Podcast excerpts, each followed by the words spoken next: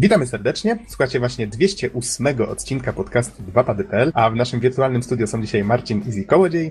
Cześć, cześć. I Hubert Surfer Wiśniewski. Cześć. A mówi Adam Naksa 15 Dębski. Nagrywamy w środę 16 grudnia 2015. Jeszcze w tym odcinku pojawi się recenzja, w której bierze udział Don ale to nie wyprzedzajmy faktów. Przypomnę może, że próbujemy z taką nową formułą, że nagrywamy recenzję jako osobny materiał, potem dogrywamy do tego na przykład początek i zakończenie i sklejamy to w jedno.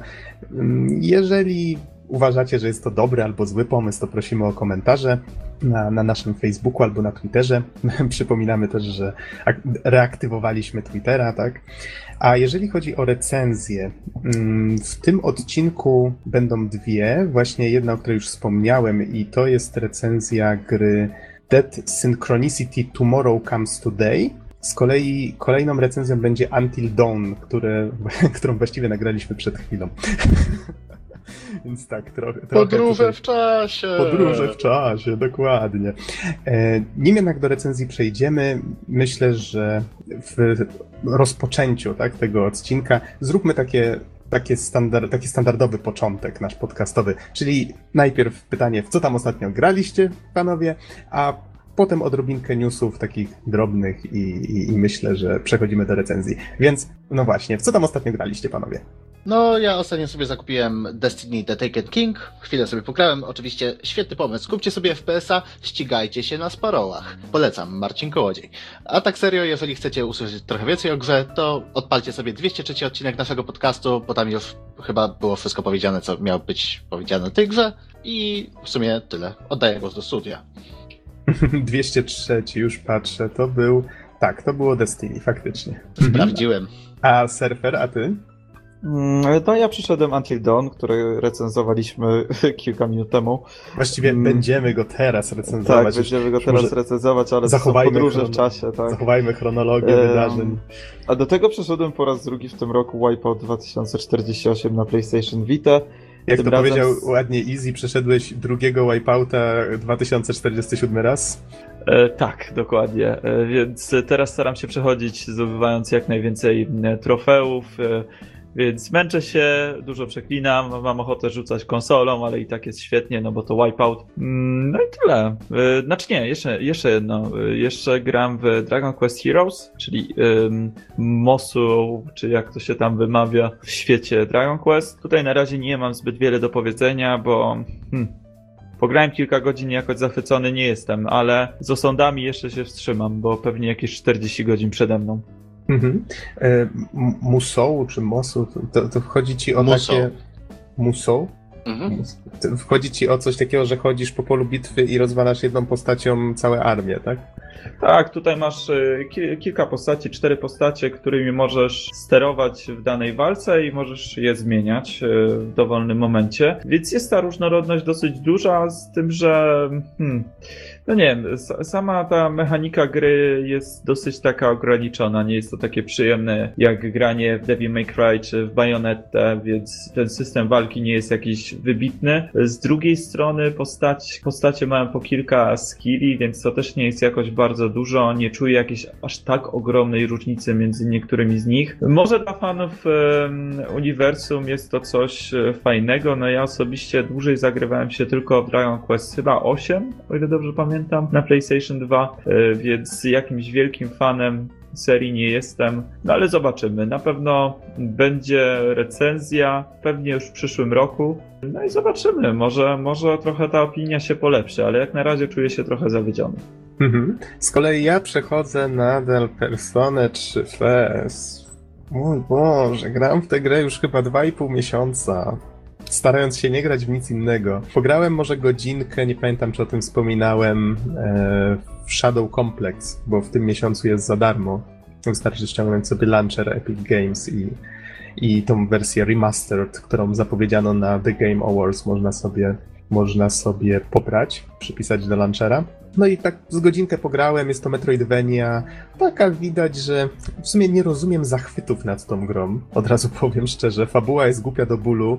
Ten taki setting, który celuje raczej w taką, taką grafikę e, no fotorealistyczną to jest, to jest bardzo niedobre określenie, ale chodzi mi o to, że stara się być realistyczny, z kolei gameplay jest taki czysto arcade'owy. Postać skacze bardzo wysoko w miejscu.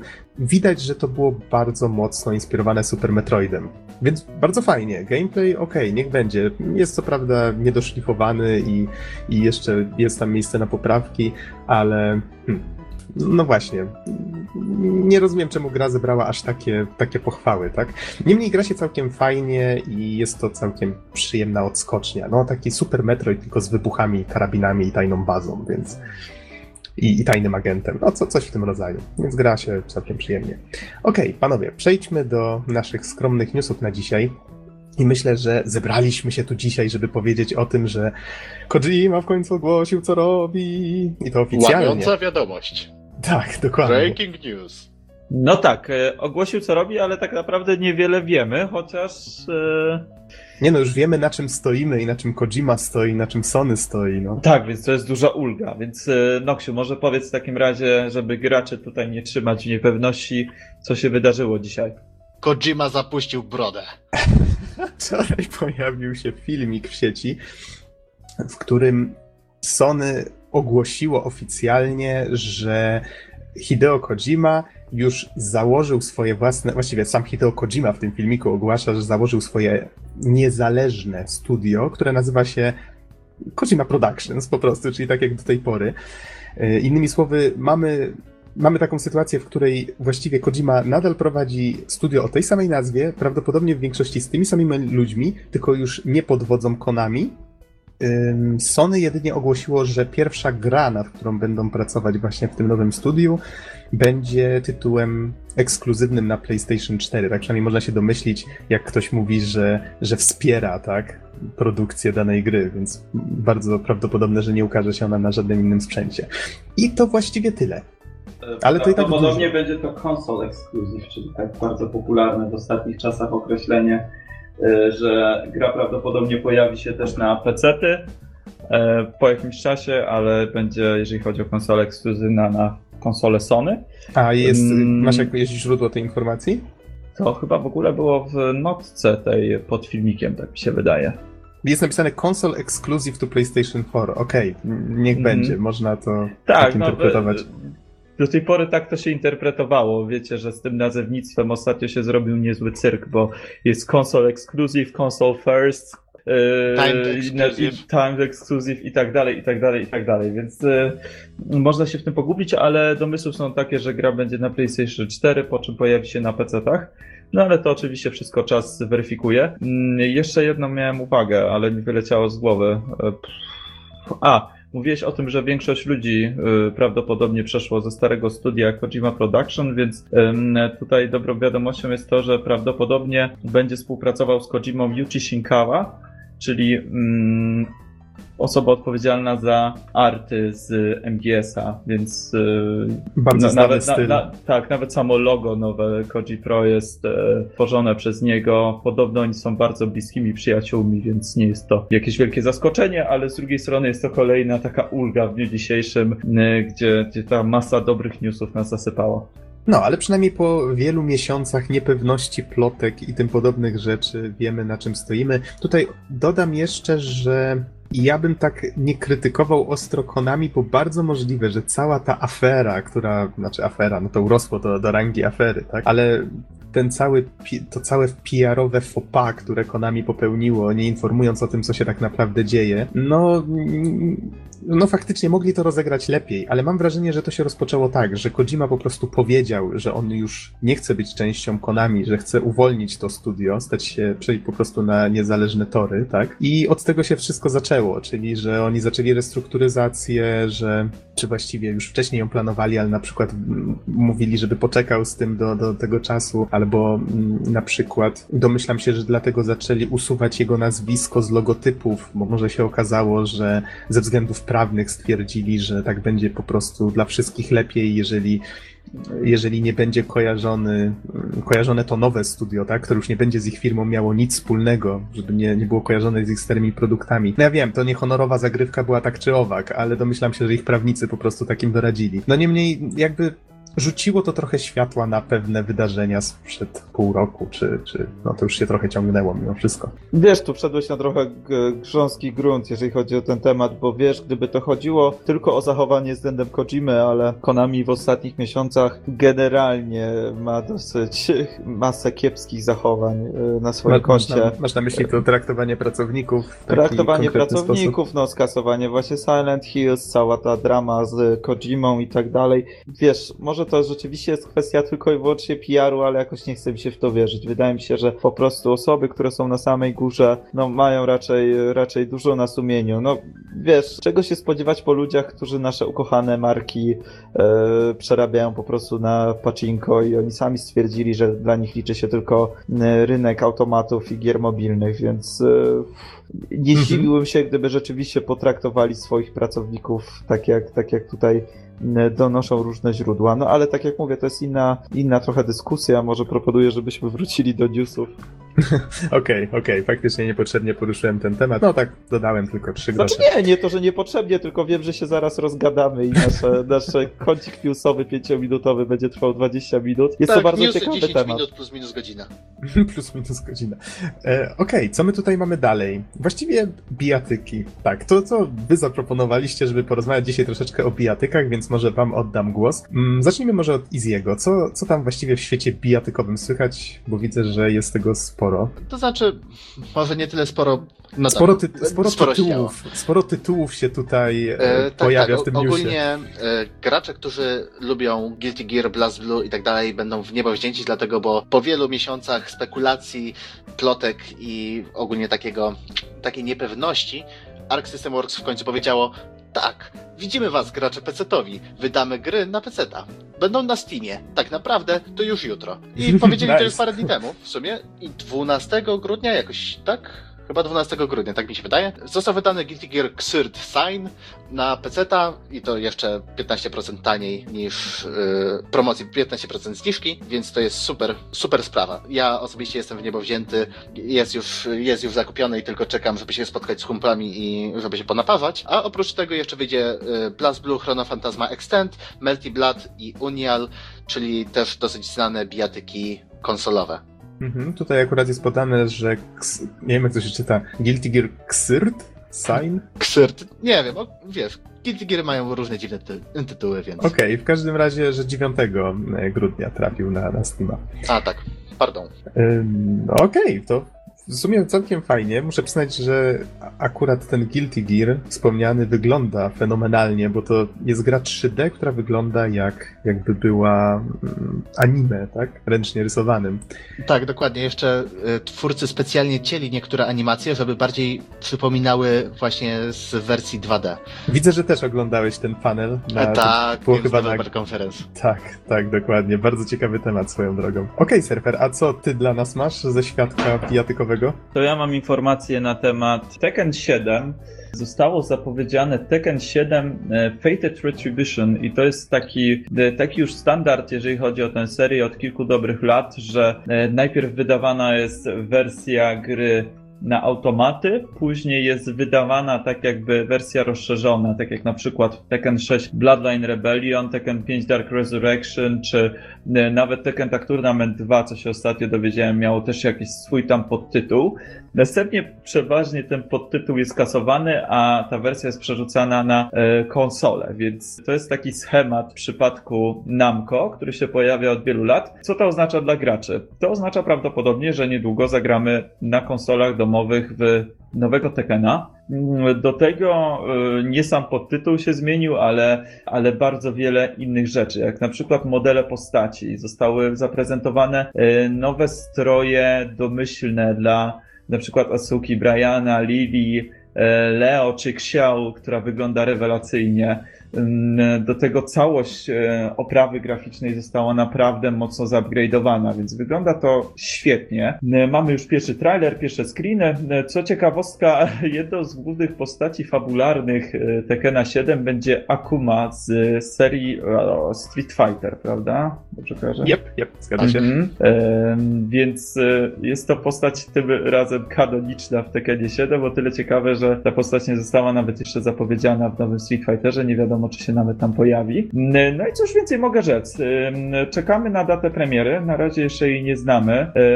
Chodzą słuchy, że będzie to 2016 rok, więc mam nadzieję, że rzeczywiście tak się stanie. No i ja, przyznam szczerze, że po Tekenie tak Tournament 2 mój hype troszeczkę, jeżeli chodzi o tę serię, zanikł, ale teraz znowu wraca. Widać, że jest to duży krok znowu w serii, że już nie, jest, nie wygląda ta gra jak um, lekko odświeżona szóstka czy Tekken Tag Tournament 2, tylko naprawdę prezentuje się next genowo, więc mam nadzieję, że Tekken wróci troszeczkę do tego mainstreamu bijatykowego, bo no ja fanem bijatyk 2D nie jestem, zawsze jednak zostawałem przy Soul Caliburze czy Tekenie, więc jak na razie jestem bardzo zadowolony. Polecam się zapoznać, jeżeli ktoś jest e, zainteresowany bijatykami, zdecydowanie warto obejrzeć trailer i screeny. Mm -hmm. Okej, okay, panowie, jeżeli nie mamy nic więcej do dodania, to w takim bądź razie zapraszamy wszystkich serdecznie na recenzję. W naszym wirtualnym studiu jest teraz Bartłomiej Donsot-Tomycyk. Halo, halo. A będziemy rozmawiać o grze Dead Synchronicity Tomorrow Comes Today, a nagrywamy w niedzielę 13 grudnia 2015. No, Don, powiedz, czym jest Dead Synchronicity i czy mam przedstawić jakieś informacje wikipedyczne, czy ty się tym zajmiesz? E, właściwie mogę, mogę się tym zająć. Otóż Dead Synchronicity Tomorrow Comes Today, albo po prostu po polsku Synchronia Śmierci, myślę, że tak będzie, e, tak będzie łatwiej. E, jest to gra przygodowa point and click, e, właściwie zrobiona w bardzo starym stylu, takim, który wszyscy kojarzymy, czyli kontrolowanie bohatera za pomocą myszy, wskazywanie mu, że ma coś obejrzeć, zabrać przedmioty, a potem tych przedmiotów po prostu używać na jakichś miejscach. Sama gra została wydana została stworzona przez Fixorama Studios e, na platformy iOS, e, PC i OS X e, i została wypuszczona 10 kwietnia 2015 roku, czyli jest jeszcze stosunkowo świeża. Mhm. Chociaż wygląda, albo jest przynajmniej wzorowana na takich staroszkolnych bardzo point and clickach. Mhm, tak, ale myślę, że po pierwsze nie jest to nic, e, nic dziwnego, bo teraz ogólnie moda na wszystko, co jest retro, jest bardzo potężna połączeniu z nostalgią oczywiście, ale też y, sam zabieg jest y, skonstruowania mm, na przykład grafiki gry w taki, a nie inny sposób też jest całkiem sprytny. No ale przejdę właściwie do, mhm. do samego początku, czyli... Je, jeżeli pozwolisz, mhm. to jeszcze mam dwa pytania, znaczy pytania, właściwie stwierdzenia. Jedno to jest takie, że gra została z tego co widzę ufundowana na Kickstarterze, więc to jest y, pewna ciekawostka. Jest to taki pełnokrwisty indyk. Aha. I jest to pierwsza część splanowanej serii. Tak, tak, to jest bardzo ważne. Właściwie już można powiedzieć, że druga, dlatego że w międzyczasie, kiedy powstaje, bo obecnie powstaje druga część, natomiast e, dla wszystkich tych, którzy oczekują, mm, trochę się niecierpliwią, autorzy stworzyli prequel, czyli taką nieco prostszą grę opartą bardziej na tekście, e, też e, przygodówkę oczywiście i właśnie, no, teoretycznie więc ta część pierwsza jest częścią drugą z trylogii. Mhm. No okej, okay, to w takim razie zacznijmy od tego, o czym opowiada Dead Synchronicity. E, otóż e, Synchronia Śmierci, tak, będę upierał się przy polskiej nazwie. Jest po prostu tak, tak, bo już przed podcastem rozmawialiśmy, czy to nie powinna być martwa synchroniczność, ale Don powiedział, że nie będzie wyjaśniał, bo to, to za dużo by zdradzało tak, z fabuły. E, natomiast sama gra zaczyna się chyba największą kliszą tego świata, czyli główny bohater budzi się i nic nie pamięta. Chociaż oczywiście to zostało dobrze wytłumaczone, bo akurat on miał szczęście, e, że po prostu nie pamiętał żadne, e, żadnych wydarzeń ze swojego życia. Inni nie pamiętali, jak się mówi, jak się chodzi, jak się je, więc no, mówiąc krótko, nie było jeszcze aż tak źle. Natomiast... Ale to jakiś kataklizm nastąpił, czy? Tak, tak. Michael budzi się właśnie w nowym świecie, postapokaliptycznym świecie właśnie o takiej nazwie, który zapoczątkowany został przez tak zwaną Wielką Falę. No i tak naprawdę nikt do końca nie wie, czym jest ta Wielka Fala, ani co ją spowodowało, ale wszyscy widzą jej efekt, czyli trzęsienie ziemi, eksplozje, miasta, które w ciągu naprawdę krótkiego czasu obróciły się w ruiny i oczywiście tysiące zabitych. Do tego należy dodać, że całkiem oczywista rzecz, że e, brakuje wody bieżącej, prądu, środków do życia. E, no i choć te wszystkie eksplozje i nagłe, nagłe jakieś wydarzenia się uspokoiły, to jednak mimo wszystko świat w tej chwili zmienił swój całkowicie jakby porządek. Teraz na niebie pojawiła się dziwna wyrwa, z czarnym punktem w jej środku, której oczywiście też nikt nie potrafi wytłumaczyć.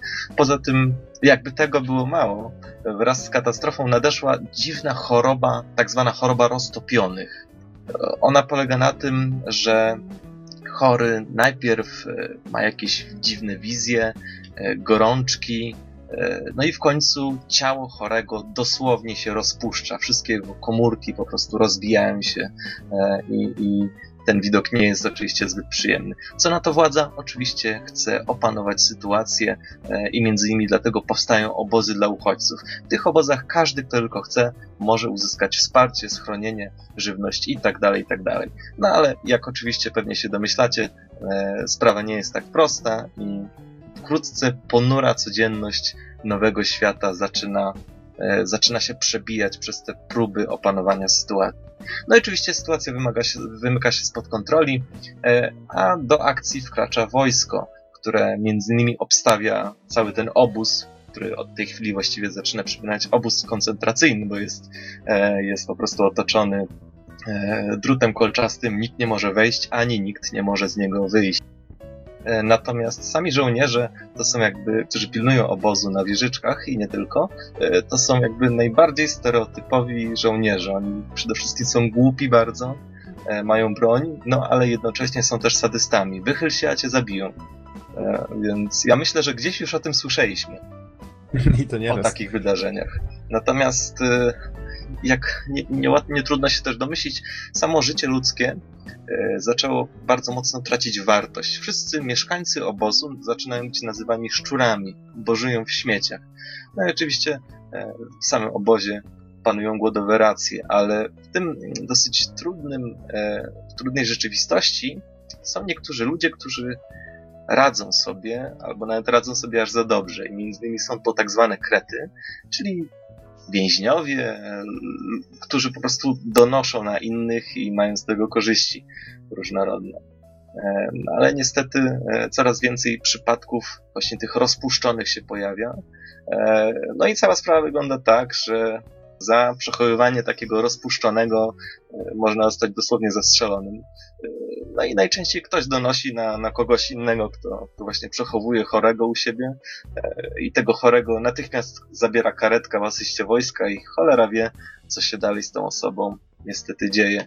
Czyli widzę, że twórcy bardzo ciekawie podeszli do tematu, wykorzystali jakieś elementy historyczne z naszego świata, wymieszali to trochę z takim, nie wiem czy to można nazwać sci-fi, ale z taką fantastyką naukową troszeczkę i, i taką typową dystopią. I faktycznie brzmi to bardzo ciekawie. No właśnie stworzyli taki e, świat, który coś nam przypomina, tak? E, który, który po prostu jest bardzo brutalny i, i wręcz naturalistyczny. No i oczywiście, tak jak tutaj powiedziałem, są ludzie, którzy poradzili sobie aż za dobrze, czyli e, po prostu w rzeczywistości nowego świata odnajdują dla siebie szansę. I tutaj na przykład e, przytoczę taką, taką jedną sytuację, w której e, umysłowo chora dziewczyna, młoda, 18-letnia, została po prostu no, przygarnięta przez dwójkę zbirów, no, którzy mając się za tych, którzy ją ratowali, e, trzymają ją w przyczepie i po prostu e, każą jej pracować. A jak pracować? E, no, w naturze każą jej pracować. Uważając się oczywiście za, za tych, którzy dają jej dom, utrzymanie i, po prostu w zamian za to wymagają tylko od niej pracy. Więc tutaj Oczywiście oprócz tych ludzi, którzy sobie poradzili, są też ludzie, którzy sobie nie poradzili. Czyli tutaj ludzie, którzy po prostu albo puści wszel wszelka opuściła ich wszelka nadzieja, po prostu oczekują na śmierć, czy też osoby, które, e, które dotknęła choroba psychiczna. Naprawdę niewiele jest osób takich, takie, które moglibyśmy po prostu nazwać dobrymi. I tutaj gra stawia kilka ciekawych pytań, chociażby o moralność, a przetrwanie, czy też nowy świat, który właśnie jest szansą dla różnorodnych mentów, którzy, którzy po prostu robią różne interesy i wypływają e, na, na cierpieniach innych. I, tutaj, co jest interesujące, to mają właśnie konfrontację wielu rodzajów osobowości w całym tym tyglu obozu. E, czyli e, Możesz przykład, jeszcze raz powtórzyć? Czego? W tyglu obozu. No w tym Aha. kotle można powiedzieć. Okay, okay. Wszystko to się miesza całkowicie. No nie na przykład żona szczur, e, kreta, który po prostu donosił na innych no, został ranny sam, tak? I wykorzystali to oczywiście inni obozowicze, że się tak wyrażę, i, i na przykład okradli cały dom. Więc, więc tutaj mamy naprawdę duży konflikt różnorodnych osobowości, różnorodnych interesów. To wszystko naprawdę się miesza i trudno tutaj mówić o dobru i złu. Wszystko jest szare. No i oczywiście pośród tego wszystkiego znajduje się Michael, który sam ma jakieś dziwne wizje czy momenty zasłabnięcia, ale ma też konkretną misję odnaleźć swoją przeszłość. No i jak to bywa w grach przygodowych, po pierwsze napotkane postaci bardzo często mają do nas różne oferty, czyli coś za coś. Pomóż mi, a ja pomogę tobie. Coś tobie podpowiem albo, albo dam, e, dam możliwość gdzieś jakiegoś przejścia. E, no i tak jak zdawałoby się typowej grze, staramy się czynić dobro i pomagać e, niektórym ludziom z obozu, a także i poza, bo, bo lokacja, bo jakby świat sięga nie tylko w obrębie obozu, ale też poza nim. I co jest ważne, Michael ma wzgardę wobec tych wszystkich łajdaków, e, którą, którą niejednokrotnie wyraża poprzez opisy ich, tak? różnorodne, ale też pojawia się interesujące pytanie, czy on sam postępuje godnie, tak? czy on sam jest taki bardzo dobry e, i czy działania, które on podejmuje, nie niosą krzywdy innym. No tutaj podam taki e, przykład, który nie powinien być jakimś większym spoilerem, bo nie podam go dokładnie, ale w pewnym momencie on stwierdza, że przydałaby się mała, że się tak wyrażę, dywersja na murach E, że po prostu odwrócić uwagę strażników. No i podpuszcza parkę dzieciaków, e, żeby, żeby pobawiły się z procą. E, I w konsekwencji tego ta dwójka dzieciaków ląduje pod ścianą do rozstrzelania przez wojsko. Więc. Mm, Czyli gracz, gracz czy bohater osiąga swój cel, ale bardzo wysokim kosztem. Nie własny, bardzo żeby... wątpliwy sposób. I oczywiście mhm. można o nim powiedzieć, e, tak jak wyraziłem się kiedyś o Vito, bohaterze mafii, że jest to najlepszy wśród najgorszych. Ale to z kolei też budzi pewne wątpliwości, tak? Więc e, co, co jest też bardzo istotne, im dalej w grze koszula bohatera, początkowo biała, ona staje się coraz bardziej pokrwawiona i tutaj wchodzi naturalizm. Jest bardzo ciekawe, że twórcy mocny nacisk na, nałożyli na to, że w ciągu gry im dalej jesteśmy, tym więcej krwi jest na jego koszuli. E, co, co jest bardzo fajną jakby wizualizacją. I jeszcze o jednej sytuacji opowiem tylko. E, w pewnym momencie Michael wybucha po prostu się wkurza na tych bandytów e, i zaczyna ich łajać, a dostaje bardzo krótką odpowiedź. Słuchaj, wiesz co, tutaj niedawno ktoś zniknął. Nie wiadomo dlaczego, a ty jesteś cały we krwi. Może coś o tym wiesz? A poza tym, kim jesteś, żeby nas oceniać? Więc tutaj jakby ta naiwna, e, naiwna ocena sytuacji, którą, którą moglibyśmy na pierwszy rzut oka sformułować, wcale nie jest taka prosta. Ale naturalizm i makabryczność, jaka w grze się ujawnia, to nie są tylko słowa. To nie są tylko jakieś e, odpowiednio zakreślone sytuacje, to są także obrazy. E, I tutaj mm, dochodzą takie sceny jak na przykład e, Park Samobójców, w którym e, osoby co słabsze psychicznie po prostu zaczęły się wieszać. To do tego stopnia, że jak powiedziała jedna z postaci, e, zaczyna brakować wolnych gałęzi na to.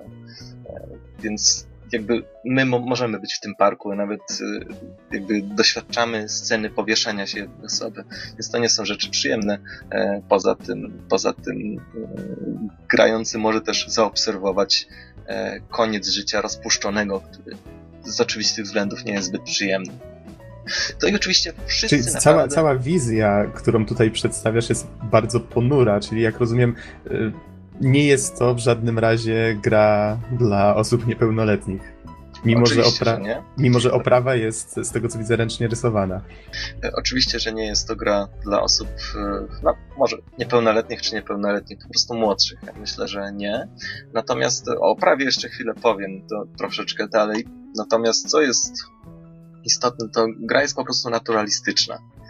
E, I, i w różnych znaczeniach, i graficznie, i jakby samym settingiem. I właściwie myślę, że mogę powiedzieć tutaj o, o pewnej grupie grających. E, pewnie wszyscy chcielibyśmy jakichś szczęśliwych wątków, jakiejś iskierki nadziei e, w całej tej bardzo ponurej i mrocznej historii, ale bardzo szybko przebija się taka myśl, no halo, no to jest nowy świat, a nie jakaś bajka, więc y, będzie na tyle dobrze, na ile może być. Na, na tym tutaj zakończę, y, zakończę mówienie o settingu i fabule. Myślę, że tyle wystarczy, by by wprowadzić e, wszystkich tych, którzy gry nie znają i przejdę do gameplayu. A z tego punktu widzenia gra jest właściwie klasyczną przygodówką, tak jak już to określiliśmy. Przemieszczaj się, zbieraj przedmioty, oglądaj je, używaj na sobie lub też łącz. E, mamy oczywiście ekwipunek, który jest symbolizowany przez walizkę mm, oraz taki mały notatnik, w którym mamy jakby wszystkie najważniejsze wątki rozpisane, więc, więc tak to wygląda. Jeśli chodzi o świat, to jest on otwarty. Im dalej jesteśmy w grze, im większy mamy progres, tym dochodzi, dochodzą kolejne lokacje, ale co jest istotne i może nawet trochę zgubne, zawsze można się wrócić. Nawet do samego początku gry, bez względu na to, w którym momencie jesteśmy. Domyślam e, się, że to rodzi takie sytuacje, że jeżeli tylko ominiesz jakieś miejsce, gdzie powinieneś coś zrobić, nagle się gubisz w coraz większym, rosnącym świecie. Akurat nie, dlatego że ten świat rośnie w taki sposób, że że jakby jesteśmy w stanie e, nadążyć za tym, gdzie powinniśmy iść lub co zrobić. E, natomiast, e, natomiast niestety wiążą się z tym też pewne wady, dlatego że jeśli zbierzemy jakiś przedmiot w pierwszym akcie albo w drugim akcie, to może się zdarzyć, że on będzie zalegać do aktu trzeciego, aż się przyda. No i to jest trochę kłopotliwe, tak? Podobnie niektóre przedmioty w otoczeniu bardzo długo nie można zebrać albo nie można w żaden sposób użyć. Także te z samego początku gry, e, bo na przykład dopiero w trzecim akcie będziemy mieli przedmiot, który to umożliwi. Czyli Więc... jest pewna niekonsekwencja w tym, co można podnieść. E, znaczy, nie niekonsekwencja, tylko że na przykład jest auto, które jest zablokowane i my nie mamy żadnego przyrządu, jak na przykład łomu. Ten łom dostajemy dopiero w trzecim akcji. Na przykład, ja teraz wymyślam. Mhm. I, I dopiero używając tego łomu możemy otworzyć to auto. Tyle, że używając tego łomu już jesteśmy w trzeciej, czwartych gry, poruszamy się raczej w innych lokacjach i po prostu to auto może nam wypaść z pamięci, że coś takiego było. Nagle okazuje się, że przy samym początku też musimy coś zrobić. Więc y, to jest o tyle kłopotliwe, że zagadka praktycznie y, ze strony grającego jakby może dotyczyć każdego miejsca na mapie bez względu na progres. Więc no, jest to trochę kłopotliwe i mylące. Okej, okay, rozumiem. E, poza tym e, zagadki w całkowitej większości są bardzo logiczne, tylko jedna lub trzy są przegięte. Takie, że nie wiem, choćbym 100 lat myślał, to wiem, że nie wymyśliłbym. Natomiast, e, natomiast to, co, jest, co też jest dobre, kiedy używamy jakiegoś przedmiotu w błędny sposób, to bohater powie ci, dlaczego uważasz, że to jest zły pomysł w bardzo dużej części przypadków, a, a zwłaszcza w przypadkach takich kluczowych dla, dla zagadki. Czyli na przykład powie, że e, wiesz co, do tego to bym potrzebował czegoś mocniejszego, albo, albo to jest zbyt niestabilne, żebym tam wszedł. I tego typu e, podpowiedzi są bardzo logiczne i bardzo często one wystarczają do tego, żeby, żeby wpaść na dobry trop. No oczywiście, jak powiedziałem, jest tam kilka przygiętych zagadek, ale, ale raczej wszystko się prezentuje całkiem nieźle. E, poza tym też była taka jedna sytuacja, w której ten old school gry przejawił się wręcz do bólu. Mamy trzy przedmioty, e, jakby obiekt na mapie, który jest wejściem do kanałów, ale mamy też latarkę oraz mapę. No i mamy te dwa przedmioty, używamy latarki na kanałach, żeby wejść. Bohater mówi, e, sorry, ale potrzebuję mapy, żeby tam przejść, bo się zgubię w kanałach. Więc bohater wychodzi i dopiero używając mapy na kanałach faktycznie możemy przejść dalej. E, to było dosyć, dosyć mylące, dlatego że ja początkowo kierując się logiką e, tej gry, próbowałem użyć latarki na mapie, żeby mieć jakby, nie wiem, połączony przedmiot, którego z kolei będę mógł użyć na kanałach. No ale to są takie szczegóły. Tak, taki troszeczkę designers, designerska czkawka. No tak, to jest właśnie charakterystyczne dla, dla niektórych staroszkolnych gier. Może być e, irytujący dla niektórych, ale jak mówię, na szczęście tego grze jest bardzo mało. E, co do samego zakończenia, to tak jak tutaj powiedziałem wcześniej, e, gra jest pierwszą częścią dopiero, więc zatrzymuje się w połowie, I, I koniec. Trzeba czekać na sequel, żeby, żeby dowiedzieć się, co się stanie dalej. Ale tak jak wcześniej powiedziałem, jest też darmowy sequel, e, przygodówka tekstowa Dead Synchronicity The Longest Night. Znaczy Więc można też, tak, tak, prequel, e, mhm. można w nią zagrać. Natomiast Tomorrow Comes Today, czyli teoretycznie drugą część trylogii, czyli tę główną, można ukończyć. Ja ukończyłem akurat w 7 godzin, ale myślę, że to tak 7-9 godzin będzie. 7, 7 godzin. No to, to jest całkiem sporo, myślę. To ta, taki dobry standard, który wyznaczyło Call of Duty całkiem nieświadomie. Teraz, teraz indyki po prostu mają taki, taki czas. Myślę, że jest to dobra rzecz. Ale wydaje mi, się, że, mhm. wydaje mi się, że przygodówki point and click akurat nie powinny trwać dużo dłużej jeżeli faktycznie nie było w tym czasie dużo jakiegoś takiego zaklinowania się, że powiedzmy dwie godziny myślałeś nad jedną zagadką, no to 7 godzin to jest sporo. Ja, ja bym był kontent po zagraniu w taką przygodówkę. Czyli ja w ogóle nie czułem, że, że gra się przedłuża. Naprawdę jest pełna treści, jest w niej dużo interesujących e, momentów, więc jakby nie ma tutaj poczucia, że już się powinno skończyć. Chociaż, chociaż czasem, czasem na przykład zdobycie jakiegoś przedmiotu, który teoretycznie musielibyśmy użyć, wcale nie znaczy, że możemy, bo bohater mówi, a no tak brakuje mi jeszcze tego i trzeba coś kolejnego zdobywać. Więc no, no, to jest ta bolączka e, oldschoolowych przygodówek, które trochę przedłużają rozrywkę, ale mimo to myślę, że tempo jest całkiem niezłe bo jakby e, inne wydarzenia to, to wyrównują to wrażenie. E, jeśli chodzi o grafikę, to tutaj jest to czysta ekspresja. Styl postaci jest komiksowy, właściwie wszystkie animacje są raczej umowne, e, a w połączeniu z ręcznie malowanymi tłami całość przedstawia się całkiem nieźle. E, poza tym cutscenki też ich trochę w grze jest, one raczej składają się z, z, ze statycznych obrazów, które ewentualnie są jakoś poruszane lub jakiś efekt jest na nie nakładany, ale mimo to wyszły bardzo dynamicznie i bardzo No właśnie dochodzi też ale, ale niestety ten naturalizm, czyli nie wiem, rozkładające się ciała e, i inne elementy zostały naszkicowane bardzo realistycznie. E, no i te sceny makabry, ja mam co do nich pewne wątpliwości. W sensie, ja nie mam nic przeciwko temu, żeby w grze wystąpiły takie mm, obrazy, wydarzenia, które są po prostu makabryczne. Nie mam nic przeciwko temu, ale trzeba mieć konkretny powód, żeby to zrobić. Więc jeśli mamy do tego powód, jeśli wiemy, co robimy, go on, pewnie tylko się przyda, prawda, do, do czegoś. Natomiast y, mam wątpliwość, czy tutaj nie mamy do czynienia wręcz ze zbędnym epatowaniem czy na przykład niektóre z tych krwawych lub makabrycznych scen naprawdę były potrzebne dla kreacji bohatera, fabuły albo świata? Tutaj nie mam tej pewności. Mhm. Ale z drugiej strony, no, nie grałem, więc nie mogę stwierdzić, czy jest tego za dużo, czy za mało, ale ta wizja, którą przedstawiasz, wydaje mi się takim światem skierowanym przede wszystkim do dojrzałego odbiorcy, tak? Do kogoś, kto podejdzie do tego w odpowiedni sposób, tak? Nie będzie się z tego śmiał, tylko faktycznie zrozumie jakiś tragizm czy dramat sytuacji. Czy tak do tego powinno się podchodzić? Znaczy, wiesz, tutaj o śmianiu się nie ma najmniejszej, nie ma nawet mowy najmniejszej, bo to, mm -hmm. to, to byłoby dziwne wręcz.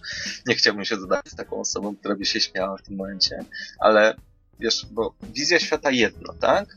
E, jak powiedziałem, ten naturalizm rysowany jest także słowem. Sam fakt, że młoda dziewczyna na przykład y, jest opisane, że jest wykorzystywana, a nie jest pokazane, że jest wykorzystywana, moim zdaniem to już wystarczy.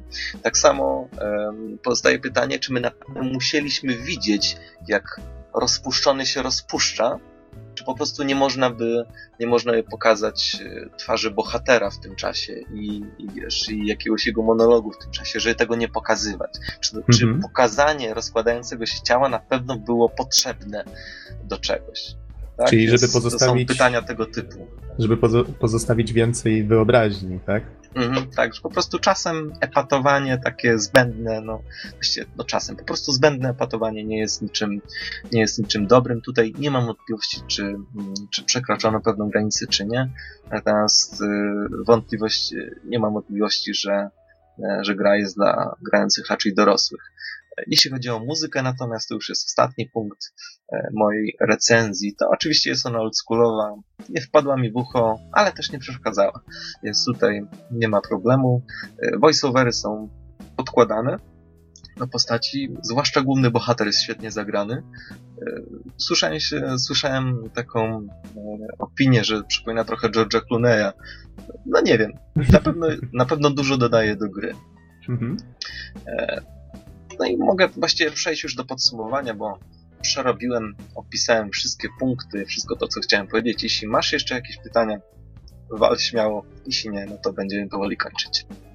Nie, myślę, że, że raczej nie. W każdym, może jedno. Myślisz, że fabuła, mimo że jest ucięta w połowie, jest warta poznania już teraz?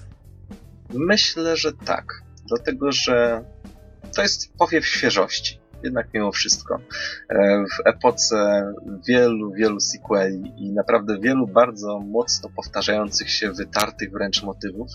E, no tutaj oprócz tego faktu, że bohater się budzi bez pamięci, tak, bo to też jest powtarzający się motyw, to jednak mimo wszystko gra prezentuje całkowicie autorski e, świat, który rządzi się swoimi prawami, który został napisany bardzo sprytnie i, i naprawdę cieszą, cieszy ilość, cieszy ilość oryginalnych pomysłów, jakie się tam pojawiły. Więc ja nie żałuję, że zapoznałem się z grą e, właśnie teraz i muszę powiedzieć, że jednak mimo wszystko czekam na, na ten sequel, bo to może się okazać coś ważnego, ale póki co wiem już, że, że dla tego roku e, Synchronia Śmierci jest e, niewątpliwie jedną z ważnych gier. To chyba jedyna rzecz, która nam została jeszcze, to powiedzieć za ile można ją dostać. Widzę, że gra jest dostępna na Steamie i na Gogu.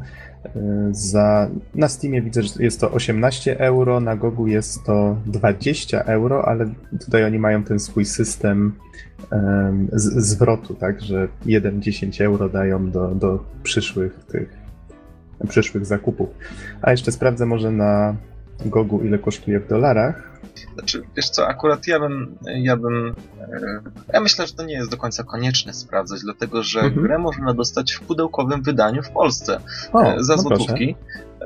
Wydanie jest bardzo ładne, jest nawet z teksturową polutą i całą resztą tej operety, więc jest naprawdę bardzo solidnie wykonane. Ono kosztuje tam 50 kilka złotych, może trochę więcej, ale myślę, że mm, to jest może odrobinę mniej niż cena Steamowa albo równowartość. W każdym razie, no, jeśli są osoby, które lubią mieć pudełko na, na półce, to tutaj nie ma sensu się bawić w Steam, tylko polecieć do Saturna albo jakiegokolwiek innego sklepu z grami. Podejrzewam, że, że jeszcze sobie Synchronia Śmierci tam stoi i czeka na kupę. No, jeżeli mówisz, że 50 zł kosztuje polskie pudełko, to się dużo bardziej opłaca. Bo załóżmy, że tak zaokrąglmy, że to jest około 20 tam dolarów e, i na Steamie, i na, i na Gogu, no to to jest dużo więcej wychodzi niż 50 zł.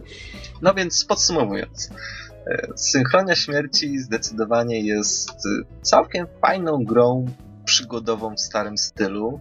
E, w większości przypadków te zagadki są naprawdę bardzo dobrze zrobione, z kilkoma tylko przegiętymi, no, jest to pewna bolączka.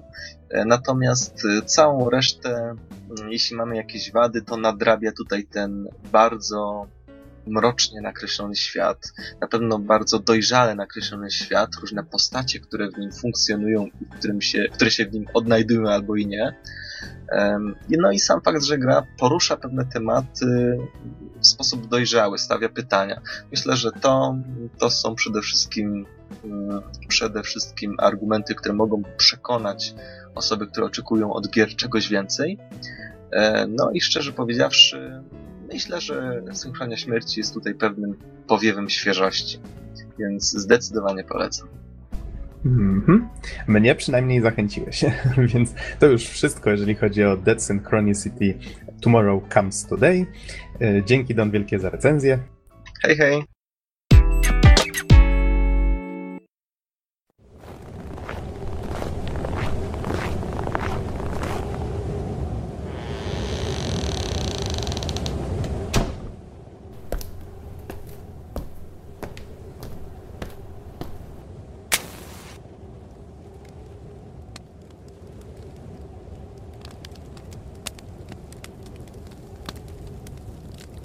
Witamy serdecznie w Blackwood Pines. Rozgośćcie się. W kominku płonie już ogień, za oknem sypie śnieg, a wiatr hula w okolicznych lasach. Co prawda między drzewami przemykają czasem niepokojące cienie, ale bez obaw. Zapraszamy do stołu.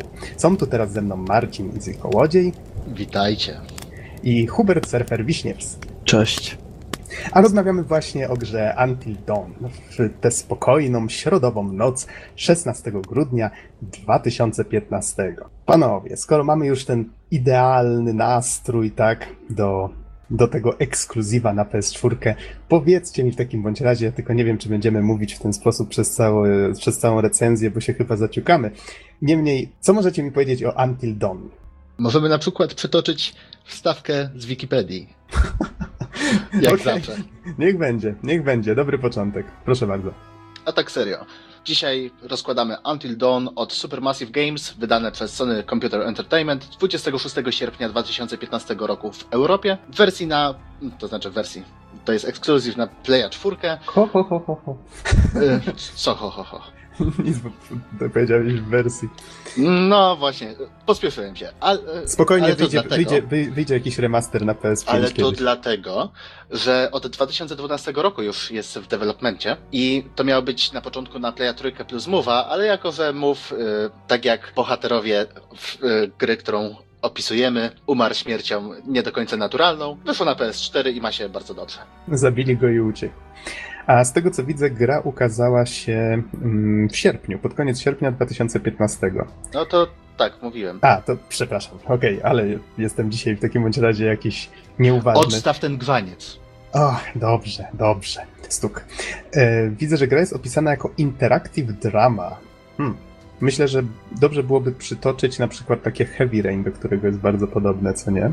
E, Tak, tylko e, właśnie, hmm, jakby to powiedzieć, Heavy Rain jest taki, jest cały czas, próbuje nas trzymać w napięciu i jest wielka, wielka fabuła, prawda, morderstwo i prawie były e, antyczne nanomaszyny z kosmosu, tak jak w Fahrenheitie, tudzież Indigo Prophecy.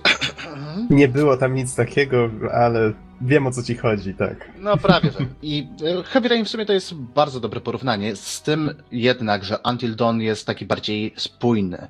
Cały czas jest takim amerykańskim slasherem, w sensie horror, dokładnie typ slasher. Mamy grupkę nastolatków w liczbie ośmiu, tak dokładnie. To są wszyscy bohaterowie, którymi możemy sterować. E, Trafiają do chatki w górach, w lesie, rok po śmierci ich przyjaciółek i przyjeżdżają się bawić, bo oczywiście co mogą robić nastolatki amerykańskie? Mhm. Ja co prawda gry nie przeszedłem w przeciwieństwie do was, ale miałem okazję przejść jakieś tak, nie wiem, pierwsze 3-4 rozdziały w większej grupie. I faktycznie, tak jak mówisz, mamy nawet okazję zobaczyć w jakich okolicznościach, tak, zginęły te osoby. Od siebie tylko dodam, że Until Dawn ma wszystko właściwie z takiego, z takiego horroru młodzieżowego w sobie. Na początku może to wiele osób odrzucić, na zasadzie wszyscy ci bohaterowie to tacy, takie młodziaki, które albo gadają o tym, kto z kim chodzi, kto z kim śpi i to jest właściwie ich jedyny temat, tak? To wszystko jest takie monotematyczne i atmosfera robi się ciekawa właśnie, jak się okazuje, że nie są w tych górach sami. Tak właśnie, super jest to, że oni są tacy stereotypowi trochę aż do bólu, że będą postacie, które polubimy z miejsca, będą postacie, które znienawidzimy, ale myślę, że o to chodziło twórcom. Jest, tak jak, tak jak mówiłem, całość jest bardzo spójna i musimy popatrzeć na to rzeczywiście czasami jak na amerykański slasher, jak na taki horror klasy B trochę, bo zdarzają się głupie momenty. Czyli coś w rodzaju piątku 13 albo hmm, jeszcze miałem jeden tytuł na, na końcu języka. E, Wrong Turn, No, Na przykład. tak, tak, jest masa takich filmów. Jeżeli wpiszecie slasher, to nie zawiedziecie się. Mhm. No właśnie, ale powiedzcie mi, czy, czy faktycznie jest to e, taka gra typowo dla osób, które tylko lubią tego typu horrory klasy B? Czy faktycznie można, można do tego usiąść, nawet jeżeli nie lubi się tego typu kina? To może ja tutaj y, kilka słów od siebie dodam, bo po pierwsze nie jestem fanem tego typu horrorów, po drugie sama gra mocno mnie irytowała właśnie swoim początkiem, bo ona jest taka, no właśnie opowiadająca historię głupich y, amerykańskich nastolatków, którzy gadają tylko o seksie i tak dalej. I to jest chyba zdecydowanie twórcy poszli w taką stronę, żeby mm, na początku pokazać właśnie te postacie, albo które się lubi, których się nie lubi i tak dalej. One są mocno przerysowane. Ten voice acting momentami jest taki naprawdę kiepski, też mam wrażenie, mm, takie odniesienie do tego typu mm, filmów. E, ale tak jak już mówiłem, sam fanem slasherów nie jestem. Właściwie niewiele oglądałem, a jeżeli oglądałem, to mnie jakoś to nie ciekawi. Ale przyznam szczerze, że akurat Until Dawn e, zrobiło zostawiło naprawdę dobre wrażenie. Mm, ta gra im dalej w las, ho, ho, ho, e, tym staje się coraz lepsza.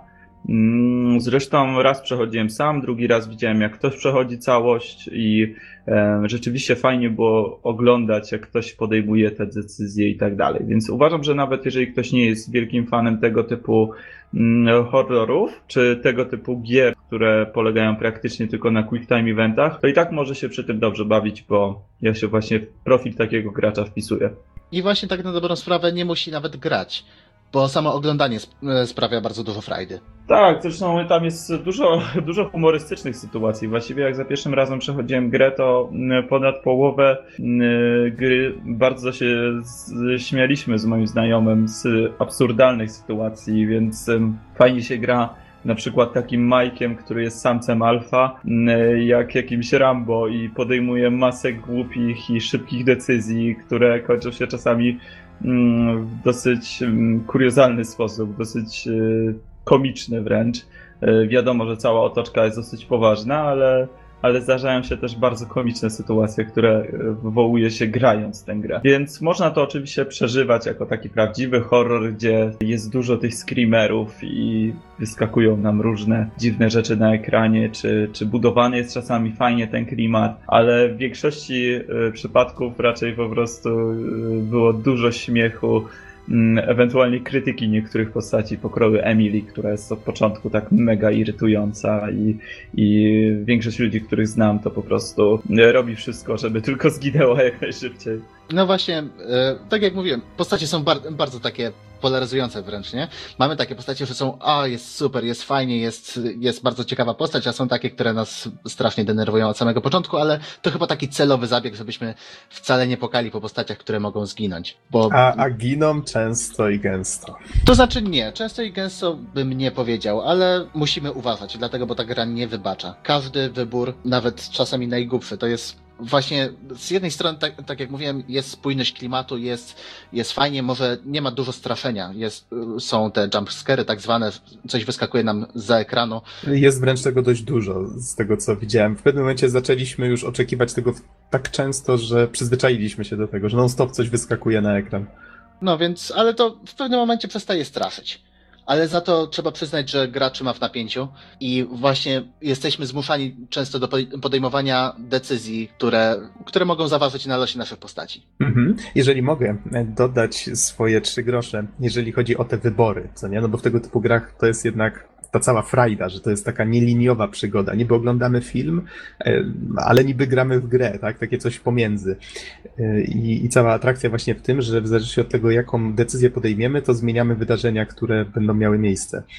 I zwróciłem uwagę, że o ile w niektórych tego typu grach taki wybór da się przewidzieć mniej więcej, jakie może mieć konsekwencje, tak tutaj twórcy poszli trochę w taką losową drogę. Na zasadzie, jak my graliśmy na imprezie w kilka osób, już wiecie, nakrapiana impreza, wszyscy się dobrze bawią. I tak na początku nie wkręcili się wszyscy w tę grę, ale w pewnym momencie, tak jak mówicie, niektóre postacie zaczęły nas irytować, niektóre zaczęły nas bawić i już zaczęły się głosowania w rodzaju nie, nie, nie naciskaj tutaj kwadratu, daj mu spaść, nie? Okej, okay, dobra. Albo o kurczę, nacisnąłem X, myślałem, że go zrzucę, a go uratowałem, tak? Na, te, na tej zasadzie tego typu teksty. I, I faktycznie ludzie zaczęli się nakręcać, tak? Zaczęli dbać o to, co się dzieje na ekranie, choć początkowo wydawało mi się, że gra niekoniecznie musi być dobra na imprezę, ale się okazało, że, że się do tego świetnie nadaje. I zwróciłem zwróciłem właśnie uwagę, tak wracając do tych wyborów, że one są totalnie losowe, tak? Czyli nie musieliśmy się zastanawiać szczególnie, co zrobić, bo i tak konsekwencje mogły być przeróżne i czasami właściwie nie pasowały do tego wyboru, tak? Doszedłem do wniosku, że twórcy nie chcą, nie wiem czy słusznie doszedłem do takiego wniosku, że twórcy nie chcą, żebyśmy się przejmowali tym, jakie wybory podejmujemy, tylko żebyśmy po prostu płynęli z prądem, tak? Tej historii i potem po prostu przeszli grę jeszcze raz i zobaczyli inne możliwości. Czy tak jest, czy... Nie do końca, bo z tego co mówiłeś, przeszedłeś tylko kilka rozdziałów, a tam właśnie na początku kilka rzeczy wydaje się, że się stało, a tak naprawdę jest zupełnie inaczej, więc nie wchodząc spoilery, powiem Ci tylko tyle, że mm, czasami może Ci się wydawać, że dana postać zginęła, a na przykład pojawi się po iluś tam rozdziałach, mm, więc nie jest to takie oczywiste. Z drugiej strony masz masę wskazówek, totemów, które przewidują przyszłość, bądź mogą Cię ostrzec przed śmiercią czy zranieniem da, danego bohatera. One czasami są dosyć mocno bezużyteczne, ale momentami się przydają. Wydaje mi się, że w tych kluczowych momentach są użyteczne. E, więc e, wydaje mi się, że może trochę ciężko to ogarnąć przy pierwszym podejściu, tak żeby przeżyli na przykład wszyscy, jeżeli ci na tym zależy, ale, ale jest, to, jest to do zrobienia, e, może poza jedną postacią, która ma taki właśnie dziwny i losowy sposób, jeżeli chodzi o jej życie bądź śmierć a tak naprawdę wszystkie inne są dosyć oczywiste. Do tego każda z postaci, jak wejdziesz w menu, ma swoje cechy charakteru. Wydaje mi się, że jeżeli grasz w miarę podobnie tą postacią, właśnie y, biorąc pod uwagę jej cechy charakteru, y, mogą one przeżyć dosyć długo. Więc na przykład Mike, który jest taki porywczy i odważny, w większości sytuacji wychodzi na plus, jeżeli e, działa ryzykownie. No, a do tego Chris, który jest taki bardziej spokojny i ma takie bardziej analityczne myślenie, mm, jeżeli się zastanowi spokojnie i trochę, czy właśnie będzie bardziej myślał o swoich uczuciach względem tych postaci, e, może podjąć lepsze decyzje, więc wydaje mi się, że to jest też mm, dosyć duży plus. No inna sprawa, że jeżeli wiesz, uciekasz przed czymś, czy, czy masz bardzo ryzykowną sytuację, to czasami nie ma czasu na to, żeby to wszystko przeanalizować, więc może rzeczywiście przy drugim podejściu mm, jest to łatwiej zrobić, ale powiem wam, że na przykład Fanor, który przechodził przy mnie właśnie kilka dni temu Until Dawn, miał za pierwszym razem takie przejście, w którym zginęła tylko jedna postać. I tak jak mówię, tutaj akurat e, sam byłem zdziwiony, jak, jak dużo trzeba się nakombinować, żeby ta postać przeżyła i jak bardzo jest to oderwane od jakichś takich e, logicznych konsekwencji. A wszystko inne, jak widać, dało radę przewidzieć. Dokładnie się tutaj z Tobą okay. zgodzę. Ja prawdopodobnie ta, tą samą postać straciłem podczas przechodzenia, ale właśnie tak jeszcze wracając do tych totemów, to według mnie to jest super rozwiązanie, dlatego, bo mamy, mamy właśnie takie totemy, które ukazują nam króciutkie fragmenty, w sumie filmiki, co, co się może stać, tudzież co by było dobre, jakby się stało i z jednej strony nam podpowiadają przyszłe wydarzenia, ale z drugiej strony pokazują na tyle mało, że musimy kminić i musimy być naprawdę uważni w tym, co, w tym, co robimy. Mhm. A to a propos, skoro już poruszyłeś ten temat. Z tego, co pamiętam, menu było dość rozbudowane, w sensie to menu y, wewnątrz gry. Tutaj już Serper wspomniał, że są tam wymienione e, charak cechy charakteru postaci, tak? Nawet pamiętam, że były tam jakieś paski, które pokazywały, że ktoś się stał mniej odważny albo bardziej w trakcie rozwoju gry, albo mniej lub bardziej romantyczny, coś w tym rodzaju. Zdziwiło mnie to, że jeden chłopak po tym, jak jego dziewczyna zginęła dość w drastyczny sposób, nagle stał się bardziej zabawny. Nie wiem, co to miało niby sugerować, ale, no ale tak, można zaobserwować takie Spe- dziwne zmiany. Specyficzne poczucie humoru po prostu. Może, może. Więc są w tym menu tego typu rzeczy wymienione. Pamiętam, że były masy notatek, to są pewnie te wskazówki, o których Surfer wspomniałeś. Znaczy notatek, jakichś powiedzmy broszurek, tego typu rzeczy, czy powiedzmy ogłoszeń, że ktoś jest poszukiwany. Były właśnie te totemy i całe menu poświęcone tym totemom. I tak się zastanawiam, czy znajdowanie tych rzeczy jest konieczne do tego, żeby odblokować jakieś, jakieś zakończenia albo żeby potoczyć w inną stronę tę historię, czy raczej jest to tylko tak dla achievementów czy trofeów? Dla znaczy, trofeów, przepraszam, prze... dla trofeów, mhm. bo to tylko na PlayStation. Przede wszystkim dla trofeów, ale właśnie w jednym przypadku, o którym prawdopodobnie Easy też myślał właśnie kilka minut temu, jak wspominał, że zginęła mu jedna postać. Jest to ważne, żeby znaleźć kilka odpowiednich rzeczy mm, przed pewnym miejscem, więc e, przydaje się to takie lizanie ścian.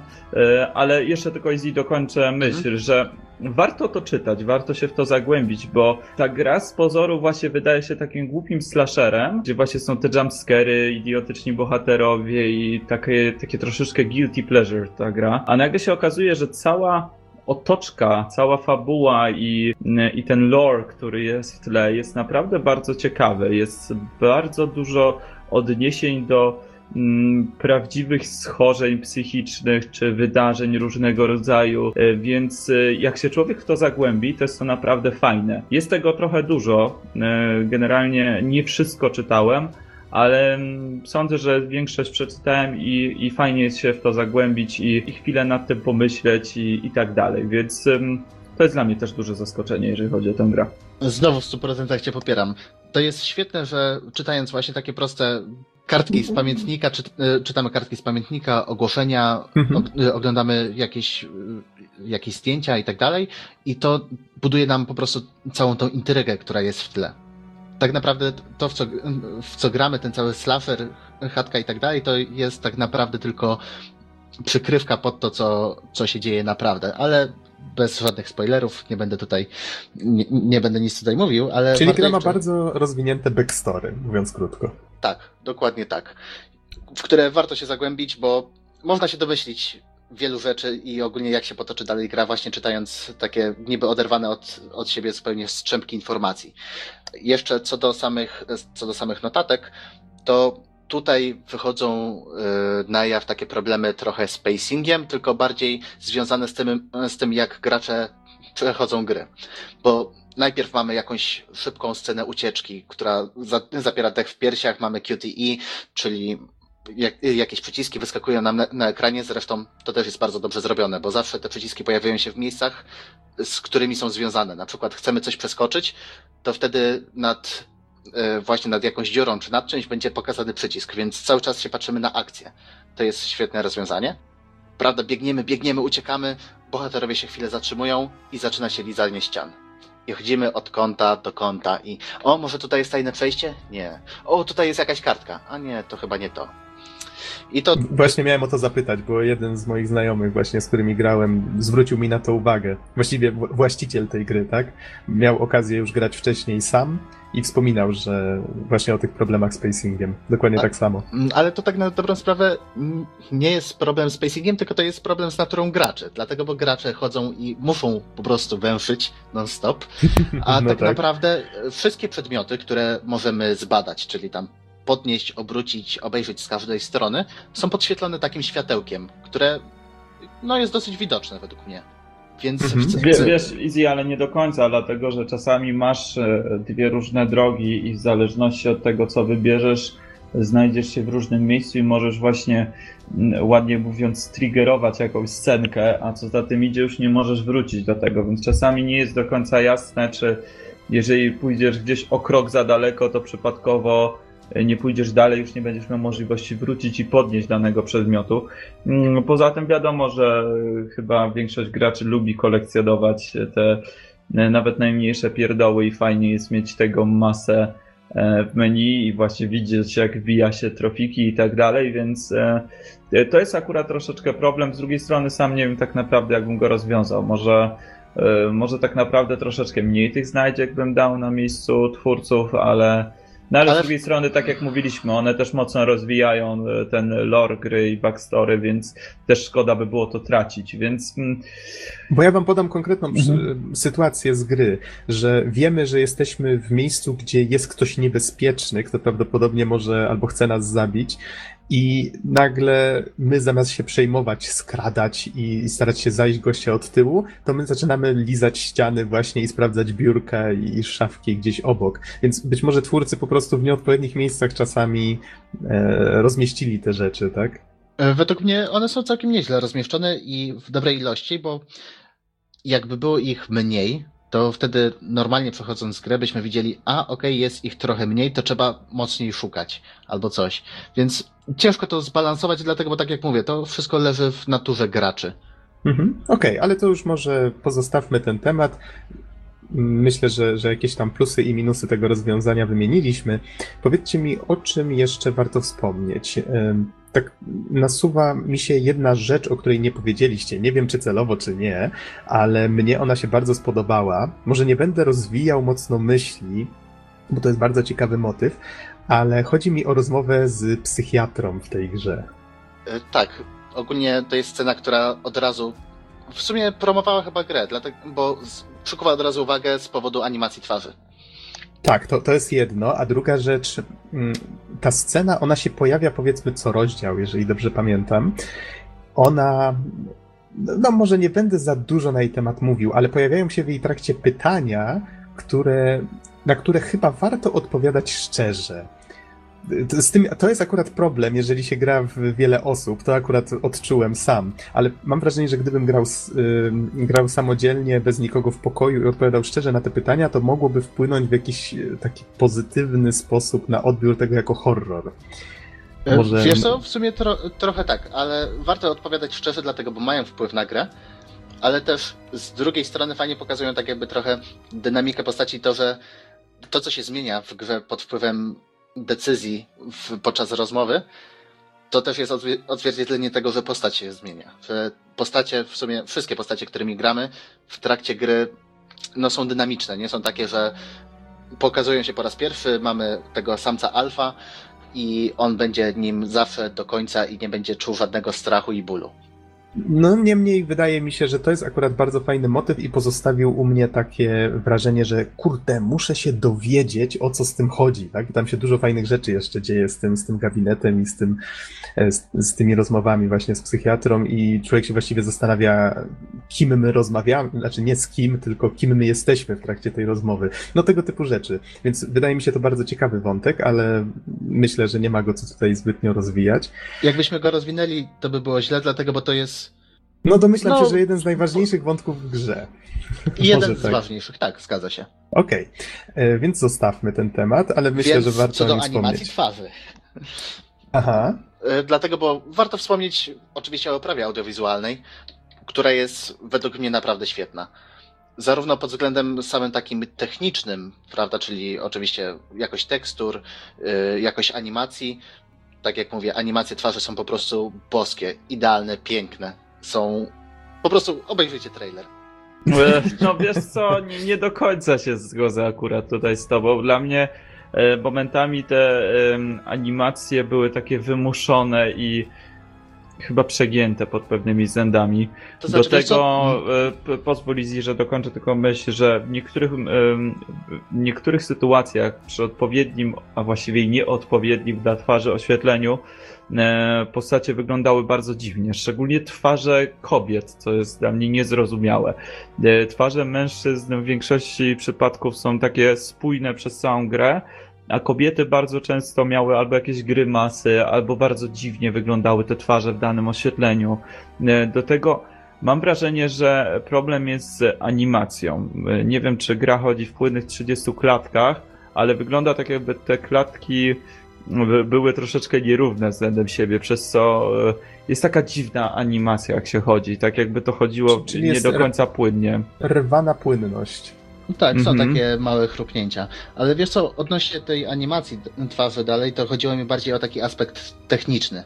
Dlatego, bo technicznie to jest wykonane świetnie, ale rzeczywiście widać, szczególnie po twarzy Petera Stormera, który gra e, psychiatrę, że te że on chyba chce się popisać po prostu, to znaczy twórcy chcą się popisać swoim silnikiem do animacji twarzy. No, przesadza, prawda? Jest takie. Wiesz, szczególnie jak zobaczyliśmy ostatnie trailery Uncharted 4, to teraz e, ciężko nie wybrzydzać tak naprawdę. Ale wiesz, to dodatkowy, dodatkowy rdzeń to mogą sobie pozwolić. czy każda z tych postaci ma twarz jakiegoś aktora? Tak jest. I właśnie z takich bardziej znanych to właśnie Peter Stormer, który grał m.in. w Fargo, albo też grywał w Red Alercie Trójce. Mamy Rami, Ma e, e, mamy Rami Malek, który ostatnio, e, że tak powiem, zdobył na popularności dzięki serialowi Mr. Robot. Tudzież mamy voice aktorkę Hayden Panettiere, która gra Kairi w Kingdom Heartsach. Okej, okay. a ja tylko od siebie, jeżeli chodzi o oprawę, dodam, że ona wygląda naprawdę świetnie, więc o ile sama gra, sam, sam, sama e, historia i tak dalej jest inspirowana filmami klasy B, o tyle realizacja tej gry sprawia, że jest to tytuł no, wysokobudżetowy, taki z najwyższej półki graficznie. No i, I... warto wspomnieć jeszcze, mm -hmm. o przepraszam, no, nie wiem czy nie, chciałeś... Nie, nie, kontynuuj, proszę. E, przypadkowo ci wszedłem w zdanie. E, warto też wspomnieć o oprawie dźwiękowej, czyli o muzyce, różnych dźwiękach, szelestach i tak dalej, które się mm, w tle odgrywają. Przyznam szczerze, że chyba e, spróbuję jeszcze raz usiąść do tej gry i pograć na słuchawkach. Bardzo jestem ciekaw, jaki będzie efekt ale nawet na zwykłym telewizorze bez żadnych, dodatkowych głośników czy soundbarów i tak dalej, e, ta gra brzmi naprawdę dobrze, więc buduje to odpowiednio klimat. Mm, nie wiem, czy wasze mm, odczucia są podobne. Tak, tak, raczej tak. Kolega, u którego graliśmy, ma głośniki 5.1, jeżeli, jeżeli się nie mylę. Takie solidne nagłośnienie i no cóż, jak podkręcił śrubę, to w pewnym momencie zacząłem go prosić, żeby ściszył, bo wtedy naprawdę zacząłem czuć dość ostry niepokój, jak ten ambient, który z reguły jest tak w miarę cicho, co nie? Jak zaczął tak wybijać na pierwszy plan, jak ja zdałem sobie sprawę, że jeżeli tylko coś głośniejszego się pojawi, to, to nam bębenki popękają. Więc tak, tak, nagłośnienie jest bardzo dobre. Znaczy w sensie mm, oprawa dźwiękowa gry. Tak, właśnie oprawa dźwiękowa plus wszystkie utwory muzyczne, które zostały, y, które są wykonywane w trakcie gry, buduje klimat. Jeszcze w, po, w połączeniu z tą reżyserią całą, wszystkie najazdy kamery, y, szerokie ujęcia, zbliżenia, y, plus do tego bawienie się głębią ostrości. To jest po prostu interaktywny film i to tak w takim dobrym, dobrym znaczeniu, że tak powiem. Pomimo, że amerykański slasher. Pomimo, że. A, jeszcze jedno. Mhm. Chcę wspomnieć jeszcze o tym, że Until Dawn ma pełną polską lokalizację. W sensie mamy, e, mamy polskie głosy, to nie jest lektor. O nie. E, to znaczy, wiesz co, powiem, że warto o tym wspomnieć, dlatego, bo pomimo tego, że aktorzy chyba nie do końca wiedzieli, jakie kwestie czytają, w jakich. Ach, jak zwykle. No, to jest normalka, ale było powiedzmy, że w miarę przyzwoicie. Jednak przez te animacje twarzy to jest trochę tak, jakbyśmy oglądali film z lektorem. Okej, okej, okay, okay, rozumiem problem. Tak, właśnie to tak mamy z jednej strony animację twarzy, która jest dosyć szczegółowa i polski głos, który zupełnie nie pasuje. Do ruchu ust i, i, i mimiki. Tak, ale można spokojnie -hmm. włączyć sobie angielski, angielski głos bezproblemowo. Okej. Okay. Panowie, czy jest jeszcze coś, co chcielibyście wspomnieć o Until Dawn?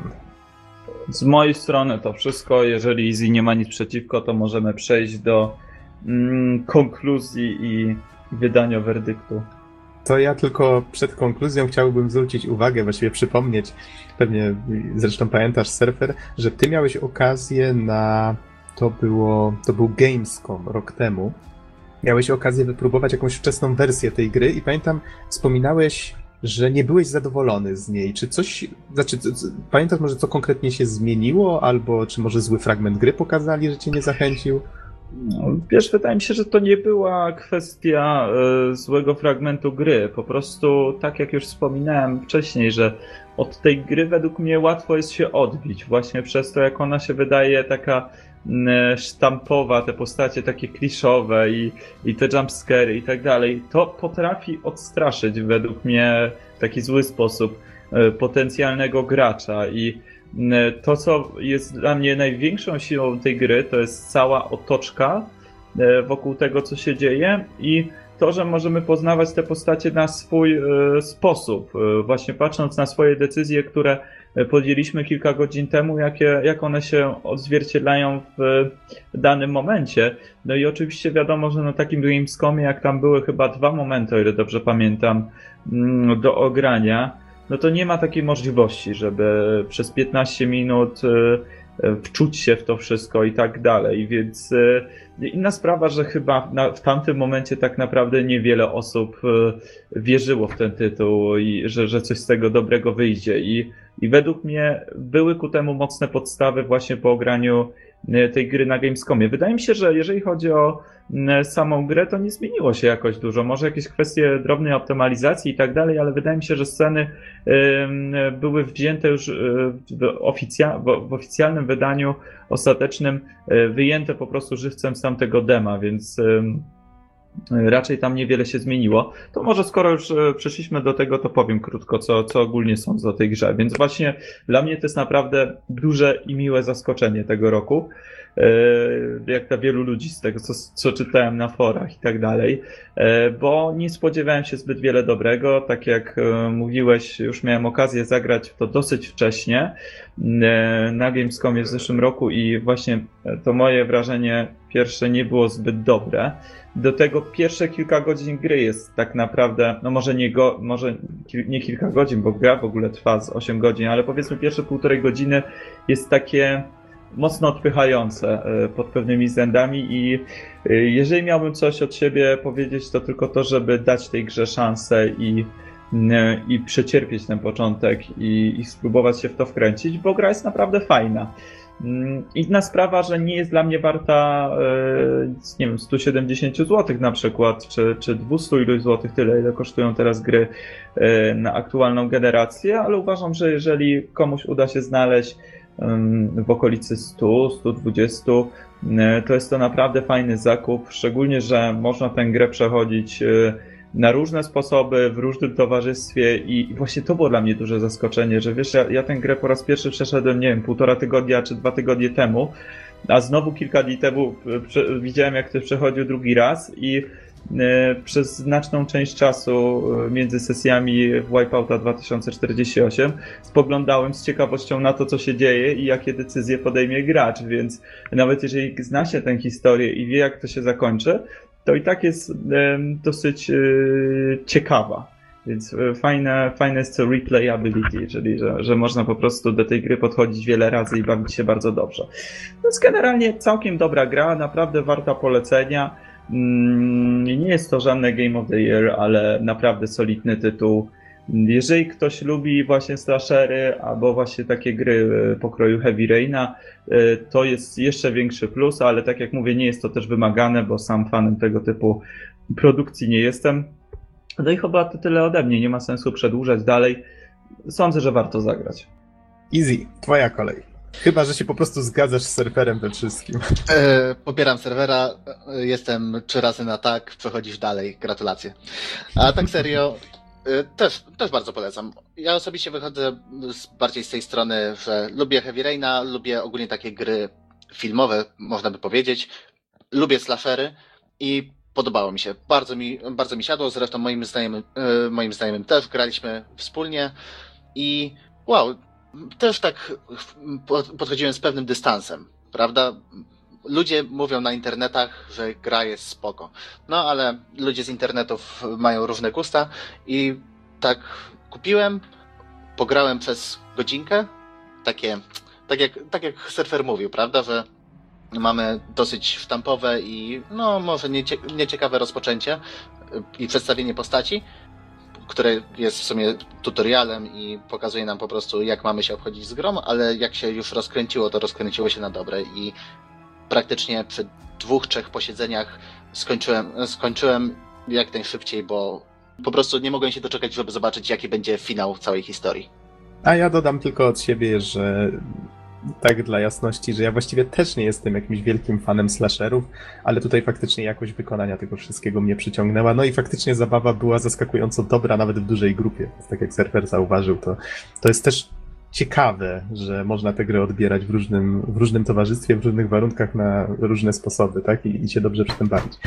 Dobrze, panowie, więc dziękuję wam bardzo za recenzję. I wydaje mi się, że ktoś puka do drzwi. Wiecie co? Pójdę sprawdzić. Tum, tum, tum. Żegnaj, Nox.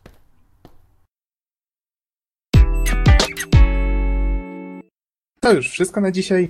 Dziękujemy bardzo za uwagę i do usłyszenia w następnym odcinku. Trzymajcie się. Na razie. Cześć.